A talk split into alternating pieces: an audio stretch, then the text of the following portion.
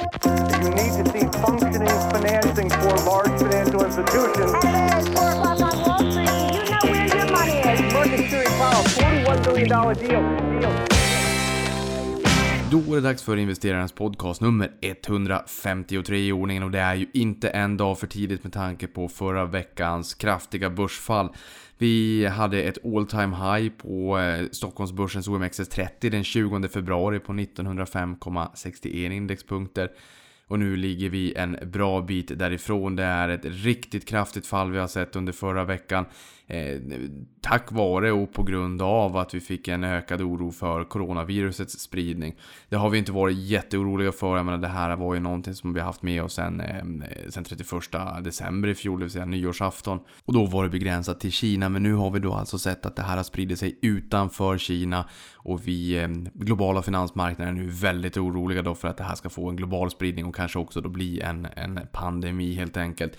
Som lamslår global ekonomi och som kanske kastar ner oss i recession, vilket också rimligtvis innebär att vi får en mycket, mycket större påverkan på börsen än vad man kanske från tidigare hade trott. Eller både börsen, men primärt kanske då realekonomin. Som även då återspeglas på börsen och då brukar vi kunna få lite kraftigare fall. Så det är ju det man är orolig för. Alltså hur mycket kan det här störa global varuförsörjning?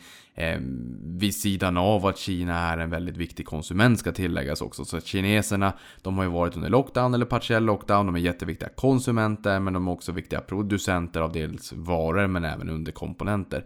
Ehm, så att nu, det, världen är så sammanflätad alltså. Vi vet inte om det är så att bolag som har en hög andel av sin försäljning i Kina påverkas negativt. Ja, det är väl rimligt att anta. Men det kan ju lika gärna vara så att bolag som inte har någon försäljning överhuvudtaget i Kina sourcar sina, sina produkter i Kina. Eller att tillverkningen av produkterna sker i Kina. Eller att underkomponenter som behövs för en slutkomponent som sätts samman i, i Sverige kommer från Kina exempelvis. Nu har vi också sett att det börjar ankomma tomma eh, fartyg från eh, Kina till USA. Tar runt en månad ute på världshaven från Kina till USA. Och i och med att det då har varit, ja, ekonomin har gått på halvfart får man väl säga. Så är det tomma skepp som då ankommer till amerikanska hamnar. Eh, och det här får ju såklart långtgående störningar. Det är väl rimligt att anta att det kanske inte blir någon Playstation 5 i julklapp i år eller Xbox eller vi har även sett Nintendo har sagt att deras Switch har de haft tillverkningsproblem och det är jobbigt att, att liksom få upp produktionen där. Nu är ju det är ju inte hela livet om det är så att man inte får en spelkonsol så att säga, men det var ett exempel. Det är ju klart att det är ju massvis av eh, olika produkter som kommer från Kina och eh, får vi en störning i leveranskedjor, varuförsörjning så får det mer långtgående effekter och det är väl här marknaden är orolig för nu också då att hur stora effekter kommer vi få av det här? Hur långtgående effekter kommer det att bli? Kan vi bocka av det här efter Q1 och att vi får störningar i Q1? Q2 möjligtvis, men att vi återhämtar det här i slutet på året. Eller kan det bli mera eh, långtgående då helt enkelt. Vi hade Anders Borg som gästade Avanza-podden. Den är redigerad och klar och kommer att släppas eh, en minut över midnatt då. Då till eh, torsdagen den här veckan så att säga i Avanza-podden. Och han hade också lite tankar kring eh, coronaviruset och hans erfarenheter och reflektioner från spridningen av eh, ebola här tidigare också och vad han, hur han ser på den här oron på marknaden just nu. Och han är en, en gladeligen, det glädjer mig, mig ganska mycket att han var en, en stockpicker som tyckte att det här med aktier är riktigt roligt.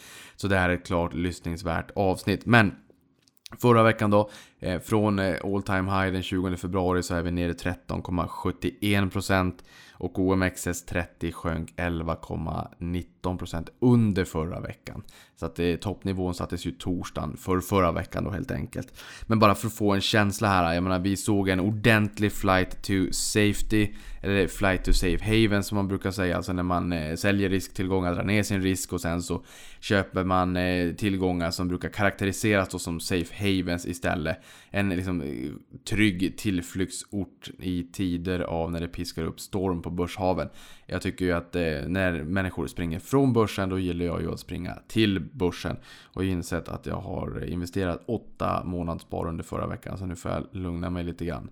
Eh, och för de av er som funderar lite grann, vilket jag vet att man ibland gör, så har det funnits lite pengar när det har varit eh, inlösen av preferensaktier i amorteringsportföljen och lite utdelningar som har skvalpat och sådär. Så att allt har tyvärr inte varit sysselsatt.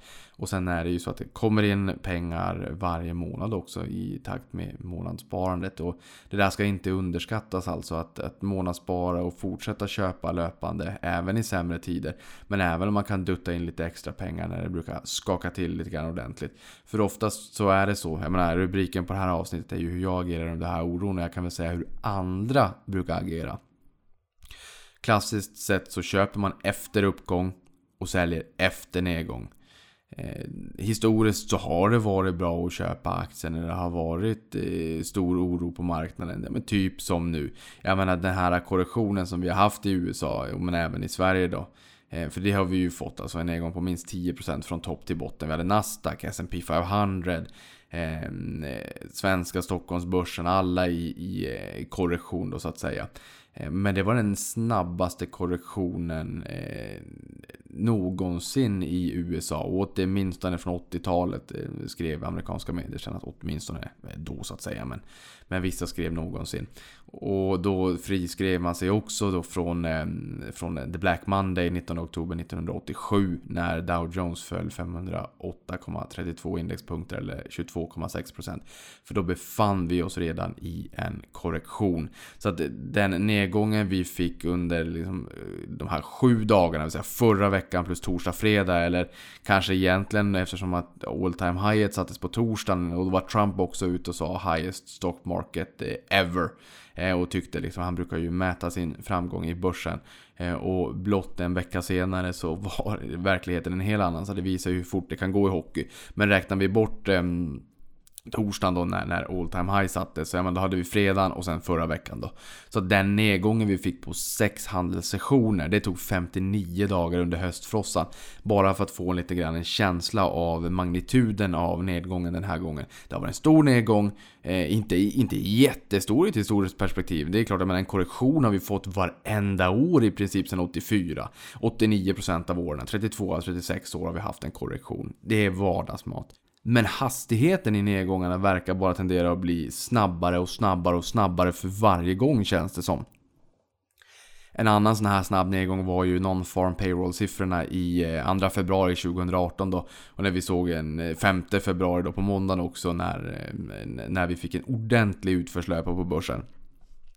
Men för att få en liten känsla här, flight to safety, vi såg eh, aktiemarknaden totalt kollapsade, börsen öppnade i Sverige 4.31 ner på måndagen, vilket innebär då att det är största fallet sen Brexit och sen hade vi ytterligare 4% dagar. Vi hade en dag där börsen var nere över 5% vilket är, det är jättestora nedgångar Eh, Eh, under i princip alla de här dagarna. Eh, och det, är, det tillhör verkligen inte vanligheterna. Och då såg vi guldet stiga och vi såg även amerikanska räntepapper eh, favoriseras. Vilket innebär att amerikanska räntor faller för när priset på, eller utbud och efterfrågan. När fler vill köpa räntepapper, ja då faller ju räntan, då faller ju yielden. Det är ju samma sak som på aktiemarknaden. Om väldigt många vill köpa en aktie, ja men då faller ju direktavkastningen. Eftersom att priset på aktien stiger men utdelningen är densamma. Då faller direktavkastningen. Här faller yielden då på amerikanska papper. Och idag är det faktiskt, precis när det här spelas in, så är det en historisk dag. Eh, och kanske inte i en positiv bemärkelse, men det är första gången USA handlar 10-åringen under 1%. Så det är verkligen en märkeshändelse och vi hade amerikanska eh, centralbanken, Fed var ute idag och kapade eh, räntan med 50 räntepunkter. Det här hade ju marknaden diskonterat redan igår för vi hade ett rally igår. Dow Jones var uppe över 5%. Det var liksom en rebound på den här förra veckans nedgång. Eh, och där pratar man liksom då att nu förväntar sig marknaden och diskonterar marknaden då eh, stimulanser. Idag hade vi ett eh, eh kommunikation från G7-länderna som sa att vi, vi inväntar och, och ser och man får sköta sig själv lite grann. Det här äh, satte sur min på marknaden, man tyckte inte alls att det här var roligt. Sen kom Fed då äh, här på eftermiddagen och sa att vi då sänker 50 räntepunkter. Man tänkte väl att äh, det här skulle komma innan 17-18 mars då när man har sitt ordinarie möte, men det kom redan idag. Men det fick ett negativt tolkningsföreträde i USA och antagligen så kanske marknaden då känner att är det riktigt så illa?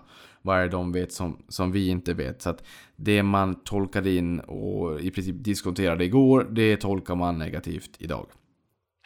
Men eh, tittar vi på förra veckan så OMX30 ner 11,19 Dow Jones 12, minus 12,36 S&P 500 minus 11,49 Nasdaq minus 10,54 Oljan minus 15,24 Guldet minus 3,53 eh, Amerikanska 10-åringen minus 20,7 Nu handlas den alltså under eh, 1% ni kanske kommer ihåg höstfrossan 2018. Den som uppenbarligen inte var så jobbig för dig som kommer ihåg det här. För det tog alltså 59 dagar att ta den nedgången som vi har gjort de senaste 6 dagarna nu i Sverige. Där eh, var amerikanska 10-årsräntan upp och nosade på 3,30 och vi tyckte att det var riktigt jobbigt. För vi var väldigt oroliga kring konjunkturen och vi tänkte att nu gör vi slut med TINA, alltså there is no alternative. Och Bank of America Merrill Lynch skickade ut enkäter till förvaltarna som sa att ah, runt 3,63-3,75 ungefär på, eh, på 10-åringen. Där börjar räntemarknaden vara ett alternativ. Då börjar vi lämna de här aktierna som utgör eh, ränteulvar i fårakläder, alltså TINA-investeringar eller ränteproxys som eh, klassiskt sett aktier med hög eh, utdelning och tillika då hög direktavkastning har blivit de senaste åren. Att man lämnar räntemarknaden och sakteligen smyger sig in i aktier med hög direktavkastning i jakten på grönbete eller en, en, en, saftig yield om man så säger. Men sen dess har det ju gått käpprätt söderut för 10-åringen. Eh, och vi fick en ordentlig rebound 2019 och eh, den här konjunkturoron var allt eh, obefogad kan man väl säga. Även om vi är inne i en avmattningsperiod och vi tänkte att konjunkturen faktiskt skulle ta fart så fick vi då coronaviruset. Så att vi har ju haft en avmattning i, i ekonomin helt enkelt. Men eh, Trots det så 10-åringen från 3,30 ner till 1,70, 1,60 och nu har vi, eh, har vi alltså landat på under procentenheten och det här är ett historiskt eh, märke, alltså det är en historisk händelse. Eh, hur man ska tolka det här, jag vet inte. Eh, det jag däremot vet är att VIX, eller skräckindex, eller volatility index, som mäter den implicita volatiliteten eh, förväntat kommande 30 dagar i, på S&P 500 och den rusade 157%. Och några bolag bara för att det ge ger en känsla här eh, som gick riktigt, riktigt söderut under förra veckan. Vi har Hennes Maurits, beroende av Kina, eh, minus 15%. Kinnevik 14,99. SSAB 14,93. Investor 14,65 och SSA, eh, SSAB var det inte, SCAB minus 13,53. S&P 500 jobbigt för flygbolag, turism, eh, hotell, restauranger, fysiska kasinon och allt sånt där tar väldigt mycket stryk. Alla bolag där det är liksom eh, folksamlingar, massor, där lär vi få se en, en eh, en efterfrågechock. Även fast det här det vi är inne i just nu är väl mer av en utbudschock när man inte kan tillverka, producera och varuförsörjningen upplever störningar. Men i vissa delar av ekonomin så har vi ju också en efterfrågechock. Och där har vi ju sett eh, ordentliga eh, slakter får man väl säga.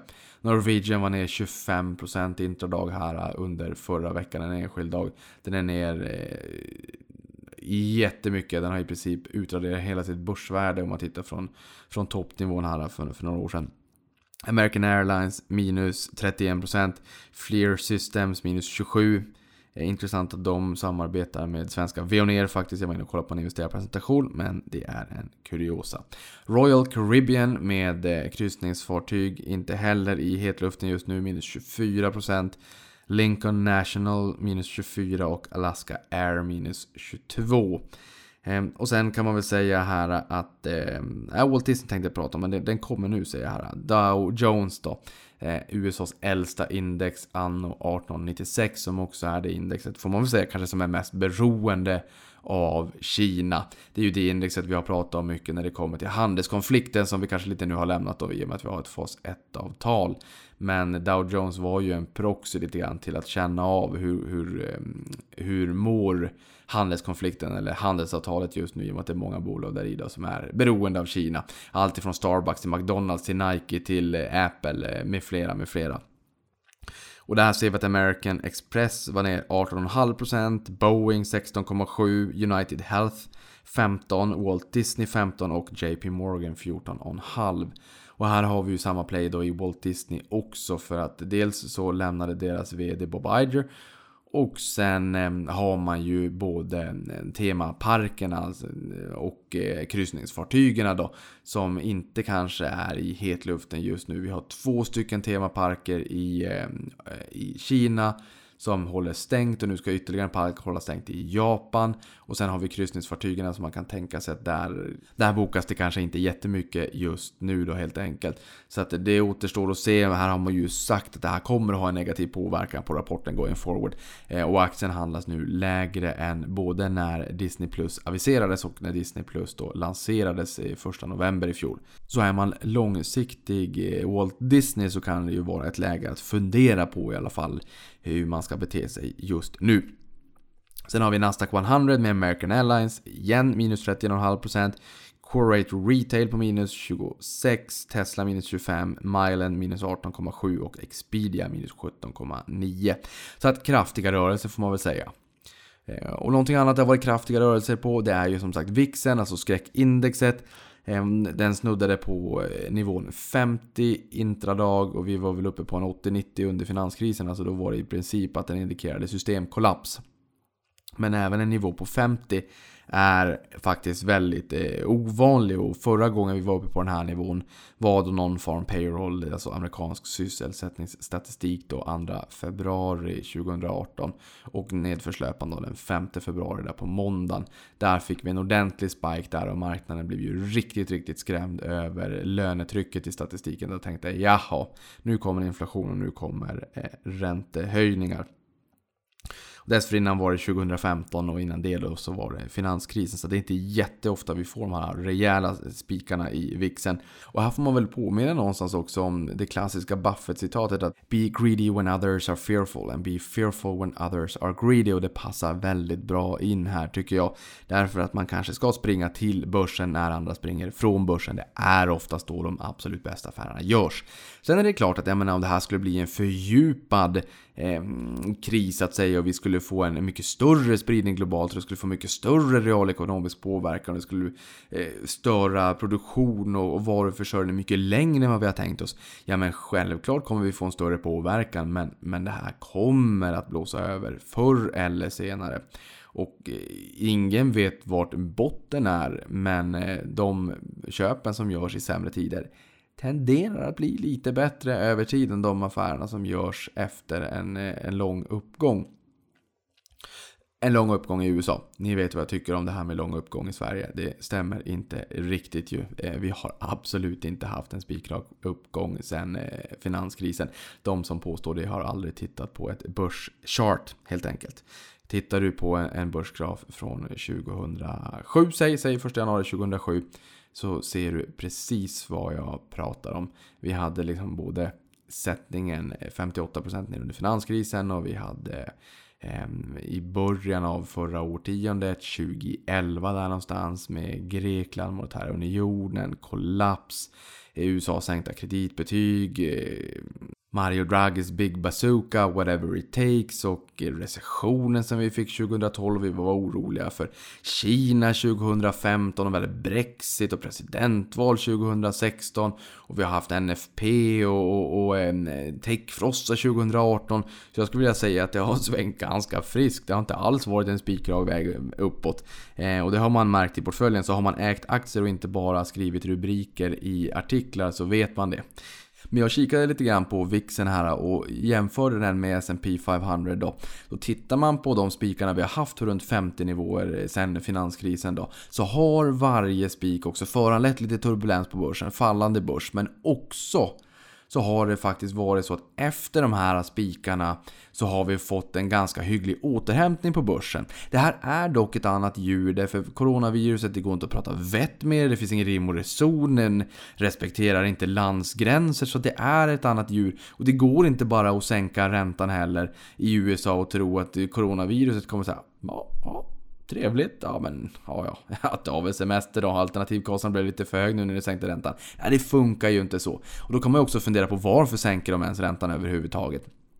Jag läste en snabb analys av eh, Franklin Templeton här ikväll som sa att eh, ja, den direkta effekten av räntesänkningen på coronavirusets spridning, det kan man ju diskutera. Men indirekt så har det en positiv påverkan på konfidensindikatorer och tillgångspriser, vilket gör att man liksom kan stävja och lugna marknaderna lite grann ändå. Så att indirekt så har det en positiv påverkan. Och får vi någonstans en en situation där vi kan eh, begränsa spridningen av coronaviruset så kommer vi med all rimlig sannolikhet få ett eh, dramatiskt sentimentomslag mot det mera positiva. Men det är med, med, med jag hytter med fingret, det är ett stort om. Vi vet fortfarande inte, vi vet inte. Men vi har eh, hur många smittade då globalt? Vi har runt 90 000 va? 91 783 smittade i 74 länder. 3123 döda. Så att jag menar, vi har en dödlighet på 3,4%. Det är många som pratar om att eh, mörkertalet är väldigt stort. Jag har ingen aning om hur stort mörkertalet är, men jag menar, är det så att du skulle få en... Ehm, en, en, eh, Att och du skulle bli sjuk, jag menar hela min familj har legat sjuk i helgen. Jag klarar mig väl kanske bäst den här gången, peppar peppar. Men eh, barnen var sjuka, jag var sjuk, sambo var sjuk. Hon hade influensa, ont i hela kroppen, som, som en grönsak var hon. Och då kan man ju fundera kring, ja, hon hade ju för, förmodligen inte coronaviruset, men även om hon hade haft det så är det ju många, läste någon eh, artikel där det, var, där det stod att runt 80% av de som får det här eh, upplever det som en, en vanlig influensa. Men det finns det här, eh, den här populationen, eller kanske de som är svaga eller har varit sjuka eller gamla eller haft krämpor sedan tidigare som påverkas extra mycket. Och för dem är, kan det ju vara liksom en kamp mellan liv och död. Men för de allra flesta så, så kan man rida ut det här då så att säga. Och eh, där får man väl fundera lite grann om man hade haft eh, en vanlig förkylning eller kanske inte bara en vanlig förkylning utan till och med en influensa, ont i leder och allt möjligt och det är liksom, ja, du mår inte alls bra. Det behöver ju inte betyda att du går och uppsöker, uppsöker läkare för det. Det finns nog ganska många människor som ligger hemma, käkar vitlök, dricker te, käkar eh, ingefära eller vad det kan tänkas vara och lägger sig under täcket och tittar på sin favoritserie och hoppas bara liksom att, att tycker att allt är pest och pina och hoppas på att det ska bli bättre. Och där menar man då att Eh, det, kan vara så låga tal som 1% eller till och med under 1%, 0,1% var det någon här i amerikansk media som skrev att det skulle kunna vara jättelåga siffror om man tar in liksom det här mörkertalet som rimligtvis finns där ute. Eh, och, och, sen så ehm, har man väl kanske inte testat lika många som man skulle testa heller. Vi, vi vet helt enkelt inte. Men det intressanta är att man, vi får kollektivt panik när det är, när det är sån här spridning. Och det, jag förstår väl det så att säga. Det, det, det är det enda som står om i, i media. Skulle det stå det här om långsiktigt sparande så skulle alla spara. Eh, och jag menar jag har sett bilder också i sociala medier där alla konserver i matbutikerna är helt slut. Och folk på stan som går med sina munskydd. Och det jag vet inte. Jag, jag hoppas liksom inte att det här blir någon, någon eh, jättespridning och att det här... Eh, ja, det, det, är helt omöjligt att säga vad det skulle kunna tänkas bli. Vi, vi kommer nog förmodligen se tillbaka på det här i efterhand och inse att nej, det blev inte så allvarligt. Men med det sagt så ska vi liksom inte... Eh, vi ska inte vara naiva. Men eh, jag tror väl att det finns en god sannolikhet för att eh, vi kommer att se tillbaka på det här och känna att åh, oh, vad bra, det blev inte värre än sådär helt enkelt. Men hur länge varar en korrektion då? Säg, vi är inne i en korrektion just nu, alltså en nedgång på minst 10% från topp till botten. Och då kan man ju säga att tar vi Sverige som exempel så har en sån då historiskt sedan 1984, det är så länge jag har data, så har en sån varat i 14, eller ja, det har inneburit en nedgång i snitt på eh, 14,83% under 75 dagar. Och tar vi en björnmarknad, alltså en nedgång på minst 20% från topp till botten, ja, då har vi fått en nedgång på 21,69% under 186 dagar. Tar vi IT-krasch och finanskris, ni vet, ni kan det här säkert som ett rinnande vatten om jag skulle väcka er fyra på morgonen. Eh, men eh, IT-kraschen varade 947 dagar, gick ner 73% och eh, finanskrisen varade under 473 dagar och gick ner 58%. Och då har vi ju inte räknat med återinvesterad utdelning. Det, det leder ju till att man tar ner den där Eh, nedgången lite grann. Och IT-kraschen är ju också lite speciell i och med då att eh, Ericsson stod för 48% av index. Så hade du bara mer än liksom en eller två aktier så, så sjönk du förmodligen och förhoppningsvis kanske lite mindre med lite vettig riskspridning. Men dotcom-bolag, eh, de följer rätt kraftigt under den där perioden då. Men det är så det har sett ut historiskt i alla fall i Sverige. Tittar vi på USA som ändå är riktkar eh, världens största eh, kapitalmarknad och ekonomi. Så har de haft 26 korrektioner sedan andra världskriget och inte inräknat den sista då, som vi befinner oss i nu. Och då har de haft en genomsnittlig nedgång på minus 13,7%. Så de har klarat sig lite bättre än Sverige.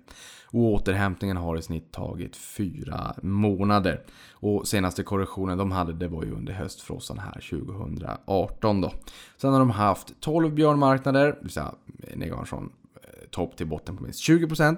Eh, och i genomsnitt så har en sån här björnmarknad har, har då gett en negativ avkastning på 32,5% eh, sen andra världskriget här också då. Jag vet inte varför de tar sen andra världskriget. Eh, och det låter deppigt att prata om andra världskriget, men ja, det, det var så CNBC skrev i alla fall.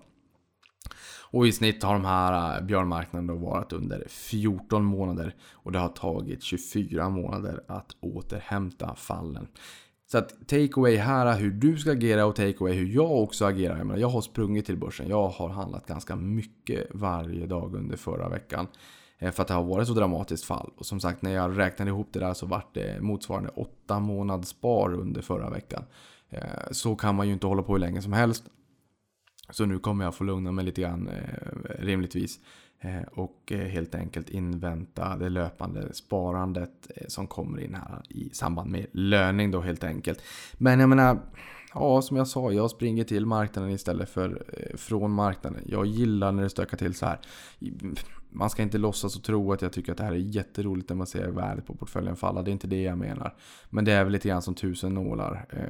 Det, det, finns, det är en hatkärlek. Liksom så här, det, det är både skönt och oskönt på samma gång på något sätt. Eh, och man lär väl sig det över tid liksom att eh, det är så här, börsen svänger. Och det här har jag sagt i alla år. Eh, att eh, kapsla in känslan när börsen går upp fantastiskt mycket. Alltså jag har haft dagar det här året. Det har gått upp liksom månadslöner per dag. Det har varit eh, ja, or, orimligt ska jag inte säga. Men det har varit eh, liksom, fascinerande att se hur snabbt värdeskapandet kan ske. Alltså hur snabbt enorma värden kan byggas upp. För den som har varit med under eh, relativt lång tid på börsen och byggt upp ränta på ränta och se liksom hur kapitalet verkligen stegrar. Det, det är rätt fascinerande men det, är, faktiskt, det är svårt att, eh, att ta in någonstans. Men samtidigt så är det så jag och en kollega Per Ståhl på Placera, vi, vi funderade på det här. Vi var på Skagens nyårskonferens och så bubblade vi i pausen och sa att ja, men, det här, sånt här börsår, liksom börsen gick upp 25,78 i fjol. 30,7 ink utdelning. Eh, det kommer man ju inte få varje år. Det var ju liksom bästa året sen, sen, eh, sen finanskrisen, finanskrisens återhämtning. Så det här får man ju inte vara med om så ofta. Men då inser man att nej, det kanske man inte får. Det är ju ganska ovanligt. Eh, 99 steg börsen 71 procent. Eh, från botten i finans och fastighetskrisen 92 till toppen 7 mars 2000 gick börsen upp 41% om året i snitt. Kagger. Det är galenskap och det är från en extremt låg nivå till en extremt hög nivå. Så det är ju ett dåligt exempel förvisso. Men Betänk det liksom med långsiktighet. För varje år som går, ju mer pengar du adderar i portföljen och inte bara genom att börsen stiger. Eller genom den utdelning du får, utan även genom det nysparandet du har. För varje år som går, så titta på portföljen i kronor och ören. Det är klart att eh, ju mer pengar du har i portföljen desto snabbare går det. Och det här blir ju en ränta på ränta effekt. Det är en snöbollseffekt. Och det, det är en, finns en anledning till Warren Buffett att han byggde upp större delen av sin förmögenhet efter 65 års ålder. Jag fick ihop min första miljon vid 25 års ålder. Eh, I fjol tog det 6-7 eh, månader att få ihop ytterligare en miljon och eh, nu senaste miljonen tog en 2 månader ungefär. Men då är det inklusive nysparande också. Jag har ett ganska rejält nysparande. Men då inser man liksom att det går bara snabbare och snabbare och snabbare och snabbare. Och jag är 32. Några veckor till. Då kan man fundera på vad, vad kommer det här vara i framtiden om 10, 15, 20, 30 år. Eh, och det här, liksom det vi pratade om där med Per var att även om det inte blir 30-procentiga börsuppgångar varje år, det är ganska ovanligt. Men det gör ju ingenting för att i takt med att kapitalet i portföljen växer så kräver det ju mindre och mindre och mindre procentuella uppgångar på börsen för samma avkastning i kronor och ören. Det ter sig ju ganska logiskt, det är enkel matematik, men ibland så kanske man snavar lite grann på det där. På samma sätt som att man tycker att en miljon kronor är inte är mycket för att du inte får mer än en eh, toalett i innerstan i Stockholm, men det skiljer ju två miljoner mellan en miljon i skuld och en miljon i tillgångar. Eh, och det här är samma sak. Det krävs mindre och mindre och mindre procentuella uppgångar för att få den här rejäla uppgången i kronor och ören i din portfölj. Alldeles oavsett om det är 10 000 eller 100 000 eller en miljon eller 10 miljoner eller vad det än är. Men ja, jag tycker inte alls att det gjorde ont förra veckan. Men när jag känner så här. Och det har, det har gjort ont tidigare. jag, jag har snart varit på börsen i, i två årtionden. Eh, och, och jag menar, jag har varit med om perioder när mitt humör eh, korrelerade till 100% med börsutvecklingen. Eh, det var jobbigt. Eh, och det här var väl under finanskrisen så tyckte jag att det var ganska jobbigt. Men, men som jag brukar säga, man lär sig hur man reagerar och hur man sen agerar. Och hur man vänder marknadens eh, marknadssentimentet och marknadslägena till sin fördel i alla lägen. Alltså det finns inga dåliga väder, det finns bara dåliga kläder. Oavsett hur marknaden går så kommer det alltid finnas bra bolag att investera i. Antingen liksom i sekulär tillväxt, megatrender, strukturell tillväxt eller att det är jättesurt på marknaden och alla flyr börsen, det är risk-off. Jag menar, då är det oftast bra köplägen. Så det kommer alltid att finnas lägen. Men det är klart, jag menar förra veckan, ni kan ju, ni, ni förstår nog att det, liksom, det försvann rätt, eh, rätt många hundratusentals kronor under den här veckan. Ehm, men det är också så här, alltså nedgången är 100% eh, och det är helt okej. Okay. Det skulle inte spela mig någon roll om allt skulle försvinna. Eh, därför att, att börsen skulle gå ner 100% är så oerhört orimligt. Det är helt orimligt. Det kommer aldrig att hända. Det för det skulle innebära att alla bolag där ute som skapar enorma värden, som anställer miljontals människor, som skapar miljarder och åter miljarder i värdeskapanden och i utdelningar varje år, skulle vara totalt värdelösa. Jag skulle lätt kunna köpa Investor för en krona och SEB för en krona, Avanza för en krona. Jag hade älskat att vara storägare i Avanza.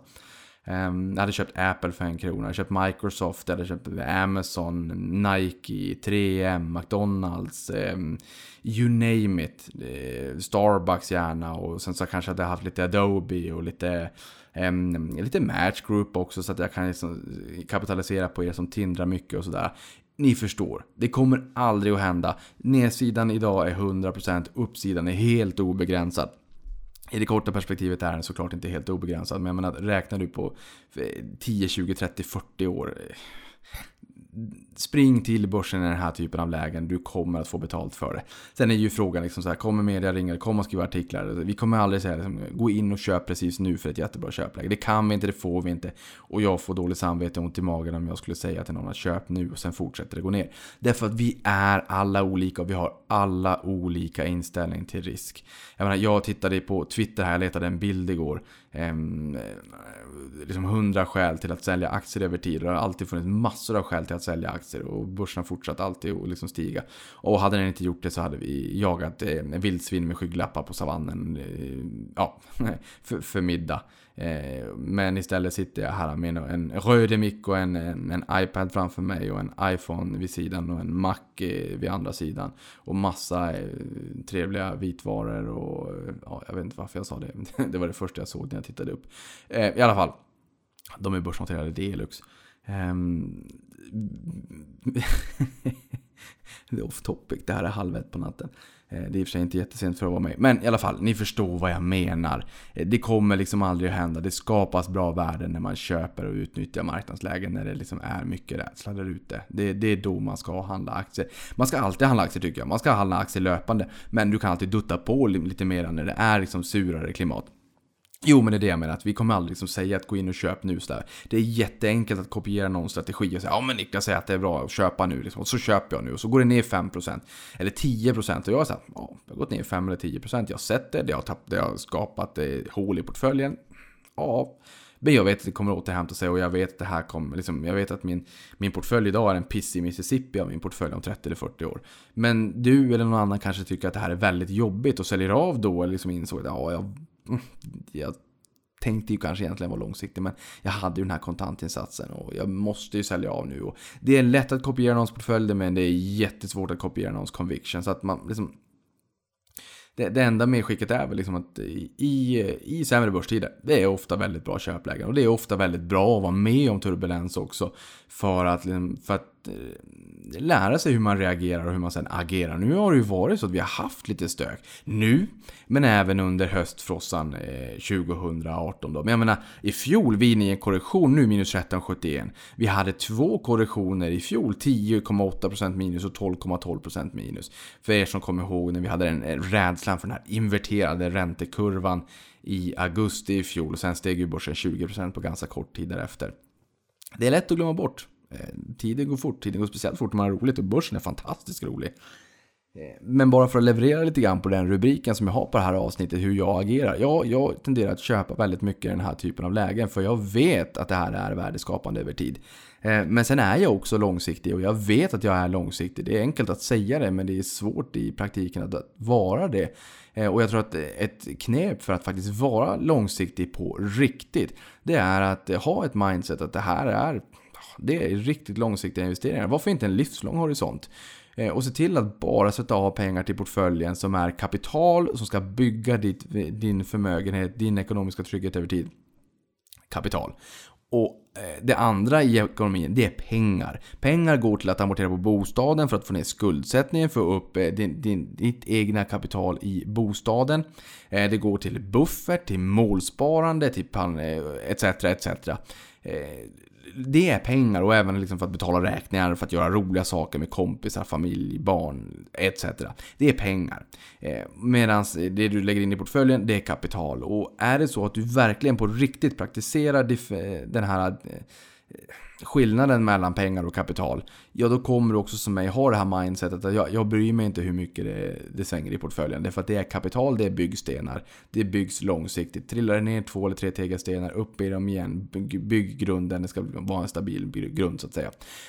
Jag kommer inte att mäta en nedgång eh, på börsen i termer av pengar vad jag hade kunnat köpa för att jag, jag skulle kunna köpa väldigt mycket för de pengarna som eh, portföljen backade förra veckan. Du blir ju knäpp om du håller på så det, det funkar liksom inte. Gör inte det. Du blir bara knäpp av det helt enkelt. Men se till att vänd marknadens eh, svaghet till din fördel helt enkelt. Och det intressanta också det är ju att vi såg ju, det var ju en dag, jag tror det var onsdags förra veckan, när vi fick ett sentimentsomslag på börsen från minus 2-3% till minus 4 kanske till och med. Upp till 0,7 tror jag att det var som mest plus då. Och då såg vi ju att momentumaktier som hade haft väldigt bra momentum tidigare var de aktierna som också slog över och eh, steg allra kraftigast två sådana klassiker som är småspararfavoriter är Evolution Gaming och Fortnox exempelvis. Så den typen av aktier kommer nog förmodligen också att kunna slå om och eh, vara rätt pigga om det är så att vi eh, kan säga farewell till coronaviruset. Eh, I USA skulle det kunna vara exempelvis Tesla eller Beyond Meat Ehm, för att nämna två exempel helt enkelt. Så att de här momentumaktierna som har haft ett kraftigt momentum. Eh, Nibe är också en sån i Sverige där man har pratat lite grön bubbelvarning och så här som gått från P30 till P43 på kort tid. Eh, nu såklart tappat, men, men den typen av aktier kommer rimligtvis att hämta på sig. Vi hade också Peter Norhammar som var med i Avanza-podden. Han var ute och sa att ja, men jag förstår inte det här. med är flight to safety, det trycker ner räntepapper. Samtidigt så ser vi 5, 6, 7% nedgång på fastighetsaktier. De påverkas ju inte.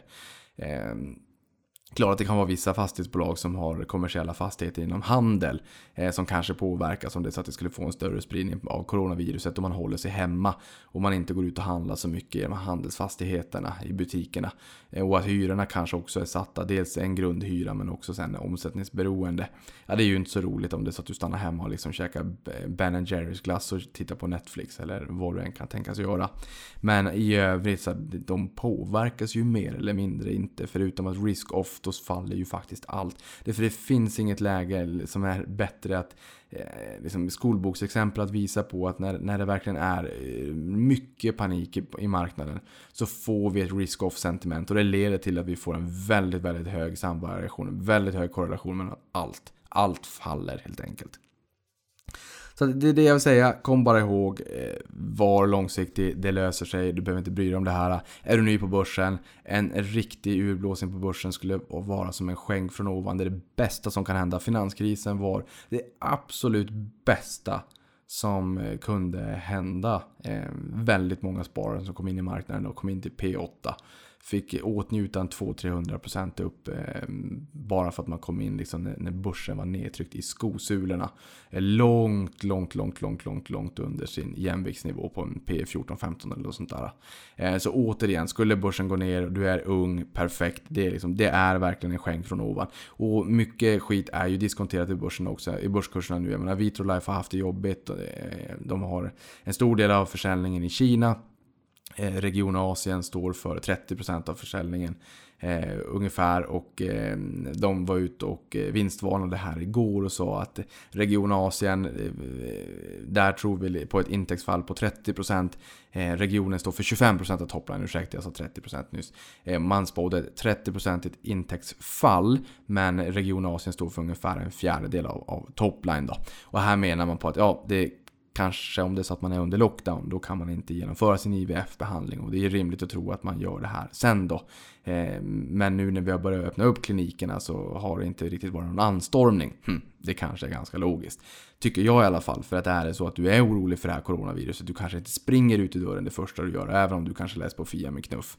Nu är det ju så att alla möjliga typer av spel etc. har varit extremt hett. Eh, Tencent har haft extrema eh, nedladdningsnivåer på mobilspel etc. under den här perioden. Så det är väl knappast Fia med knuff. Men de menade på att det här kommer ju ta och återta sig, så att säga, ta igen sig.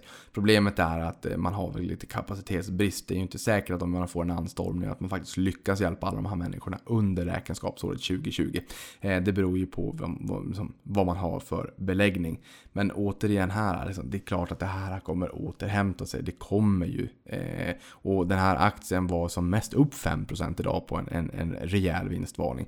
Det visar någonstans att aktien är ner rätt mycket från toppnivån. Det visar att mycket skit har varit inbakat. Nu kom en, en vinstvarning som var så här, jobbigt. Men när det visar någonstans på, vi fick ett positivt sentimentomslag idag efter tokrallet i USA igår.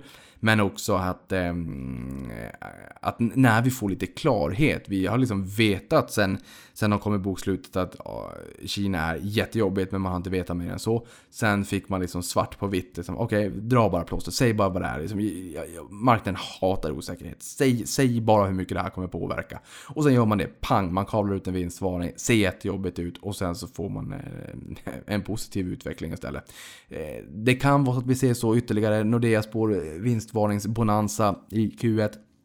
Det låter rimligt. Det ska bli intressant att se hur man tolkar dem, om det är så att det har eh, fallit så pass att man tycker att ah, okej, okay, eller om det finns fortfarande fallhöjd. Och föranleder inte bara att titta på index för det är många bolag som har fallit betydligt mycket mer än index. Men hörni, jag ska inte trötta ut er och jag vill gå och lägga mig. Men eh, det, det enda jag vill säga det är att eh, vill man bli framgångsrik på börsen så är det väldigt klokt att eh, eh försöka vara långsiktig och den bästa egenskapen skulle jag säga är att sitta på händerna. Eh, och just det, det jag sa tidigare, den här bilden som jag ville visa, de här hundra skälen att sälja då aktier historiskt, men när det alltid har varit fel. Liksom. När jag letade fram den här bilden på Twitter så hittade jag en Twitter-tråd där det var en person som alla gånger som eh, väldigt, försökte övertyga mig liksom att eh, det är klart att det kommer en ordentlig sättning här. Det var den 28 december eh, 2018. Och tyckte liksom att gå inte emot trenden. Det, det kommer bara liksom göra förbannat ont sälj. Det här kommer liksom bli riktigt, riktigt jobbigt. Några dagar senare så, så bottnade börsen. I Sverige botten den 2 januari. Sen fick vi den största uppgången eh, sen 2009. Så det visar bara på att så här, det är svårt att tämja marknaden. Man vet inte. Men men eh, bull market är marknadens eh, normaltillstånd. Börsen är stigande. Det är normalscenariot för börsen. Sen får vi bakslag vissa år. Det här skulle kunna vara ett sånt. Vi har haft lite höga värderingar i utgångsläget. Ehm, men var långsiktig på marknaden. Är det så att börsen skakar till, köp mer när börsen skakar till. Det absolut viktigaste eh, i min bok, det är att ha bra bolag i portföljen som du är bekväm med. Jag vet att jag har tjatat kring det här. Men ha bra bolag som du är bekväm med, för då kommer du också att vara bekväm när det skakar till på marknaden, då kommer du att våga köpa mer. Är det så att du har köpt en aktie bara för att den handlades lägre än sina peers, alltså sina sektorkollegor, eller att någon annan har sagt åt dig att köpa, eller att det var ett turnaround case där du bara ville testa lite grann. Eller gud förbjude att du håller på till höger och vänster med 15, 20, 30, 40, 50 eller 100 gångers häv certifikat eller vad den kan tänkas vara, alltså, men då kommer det bli jobbigt. Men ha en långsiktig portfölj, eh, köp mer i, i sämre tider. Eh, när magen skriker, säljer och det gör riktigt ont så ska ryggmärgen skrika. Köp istället. Köp när det gör som ondast. Du går till gymmet och, och liksom bryter ner muskler för att öka din muskelmassa. Det gäller samma sak på börsen. No pain, no gain. Ehm, och med de orden så önskar jag dig en god avkastning och vi kommer att ta oss ur den här turbulensen också. Tack för mig.